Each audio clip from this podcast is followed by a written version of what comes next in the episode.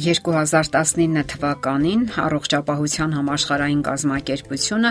մասնագիտական այրման համախտանիշը ընդունել է որպես բժշկական ախտանիշ։ Այսօր այն ընդգրկված է հիվանդությունների միջազգային դասակարգման մեջ։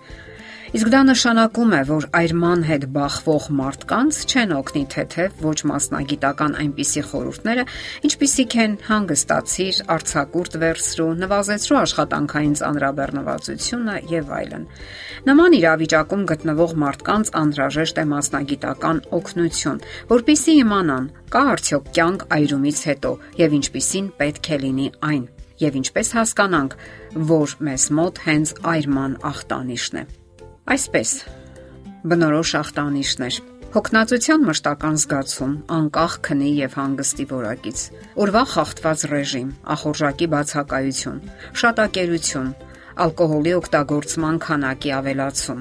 աշխատանքային արդյունավետության նվազում, կենտրոնացման դժվարություններ, բարձր գրգռվածություն, անտարբերություն, աշխատանքի մասին մտածելիս միայն բացասական մտքեր, բավականության եւ ուրախության բացակայություն, ինչը նախկինում ձեզ համար արժեք էր ներկայացնում։ Վատթարացել է հարաբերությունների որակը աշխատանքում եւ նրա սահմաններից դուրս։ Իմաստային համապարփակ դատարկություն, կորուստ։ Ինչպես հասկացանք, այրումը ներառում է ինչպես ֆիզիկական, այնպես էլ հոգեբանական հյուծում, ինչը ենթադրում է, որ այդ վիճակի հետ աշխատանքը նույնպես պետք է լինի համապարփակ։ Եվ պետք է պատկերացնել, որ այդպիսի վիճակից հետո բարելավումը անհնար է եւ մարդը մեկ ակնթարթում չի կարող լցվել էներգիայով եւ պատրաստ լինել նոր խիզախումների եւ նվաճումների։ Իմացեք, որ ակնթարթային կամ կախարդական դեղատոմսեր չկան։ Որքան ժամանակ դուք զգացել եք թե բարոյական եւ թե ֆիզիկական դատարկությունը, այնքան ժամանակ էլ անհրաժեշտ է դրանք վերականգնելու համար։ Սակայն դա թող չվախեցնի ձեզ, որովհետեւ ուժը փոքրիկ քայլերի մեջ է եւ կարեւոր է անել գոնե մեկ առաջին քայլը, որpիսի արագ տեսնեք թեկուզ ոչ մեծ, սակայն փոքրիկ փոփոխությունները։ Այրման վերաբերյալ կա 5 կարևոր փաստ, որոնք կօգնեն ձեզ հասկանալու եւ ընթանալու այն ուղիով, որը կթեթևացնի ձեր կյանքը։ Հարցը սթրեսի մեջ չէ, այլ սթրեսը հաղթահարելու հմտության մեջ։ Հաճախ այրման կամ այլ կերպ ասած մոխրացման հանգեցնում է կൂട്ടակված սթրեսը, թեև հիմնախնդիրը դրա մեջ չէ։ Կյանքը անհնար է առանց սթրեսի, որովհետև որտեղ կա շարժում, այնտեղ միշտ կլինեն փոփոխություններ, որոնք թեկուզ լինեն ցանկալի սթրես են առաջացնում։ Ահա թե ինչու մեր խնդիրը ոչ թե այն է, թե ինչպես ապրենք առանց սթրեսի, այլ թե ինչպես հաղթահարենք սթրեսը։ Մեր առաջին խնդիրը պետք է լինի սովորել ճանաչել սթրեսային իրավիճակները եւ չանտեսել դրանք։ Երկրորդ քայլը օրգանիզմին ազդանշան ուղարկելն է, որ անհրաժեշտ է թուլանալ։ Հիշում եք, որ այրումը կամ մոխրացումը եւ ֆիզիկական եւ հոգեբանական հյուծում է։ Ահա այստեղ մեզ պետք կգան ամենահասարակ եղանակները թափահարել մարմինը, վազել, լողալ, ապարել, թրջկոտել։ Մկանային աճող ռելաքսացիան կամ թուլացումը նույնպես հարմար է ու կարևոր։ Մոխրացումը ճանապարհ է դեպի մեր անձը։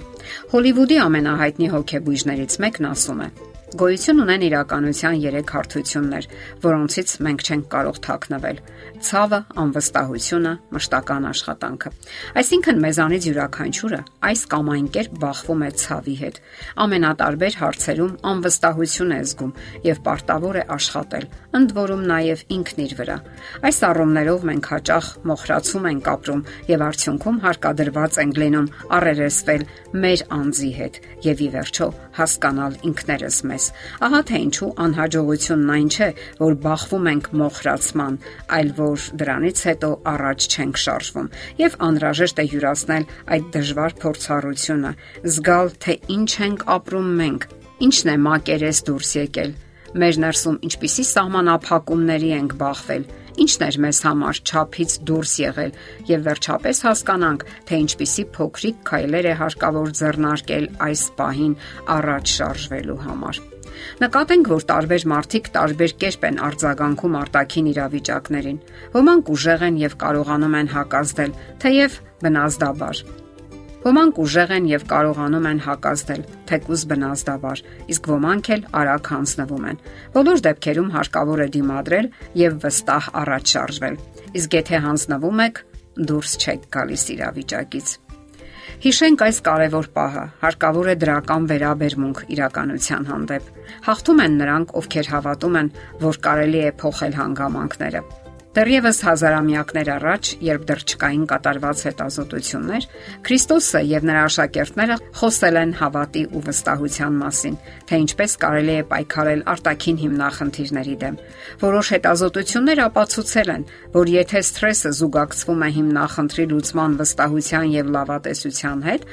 այն հաջողություն է ապահովում եւ միաժամանակ ամրապնդում է իմունային համակարգը։ Դե ինչ, հաջողությունը ձեր ձեռքին է։ Կան նաև սթրեսն ու մոխրացումը հաղթահարելու այլ եղանակներ, որոնց մասին կխոսենք հաջորդ հաղորդման ժամանակ։ Եթերում է առողջ ապրելակերպ հաղորդաշարը։ Հարցերի եւ առաջարկությունների համար զանգահարել 033 87 87 87 հեռախոսահամարով։